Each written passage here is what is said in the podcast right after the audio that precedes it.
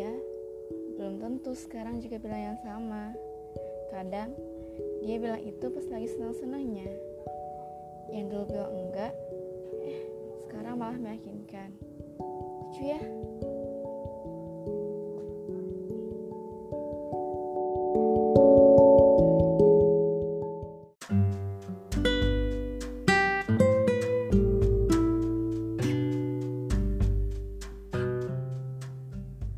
Bicara tentang kehidupan, kadang gak semua yang kita ingin bakalan terwujud.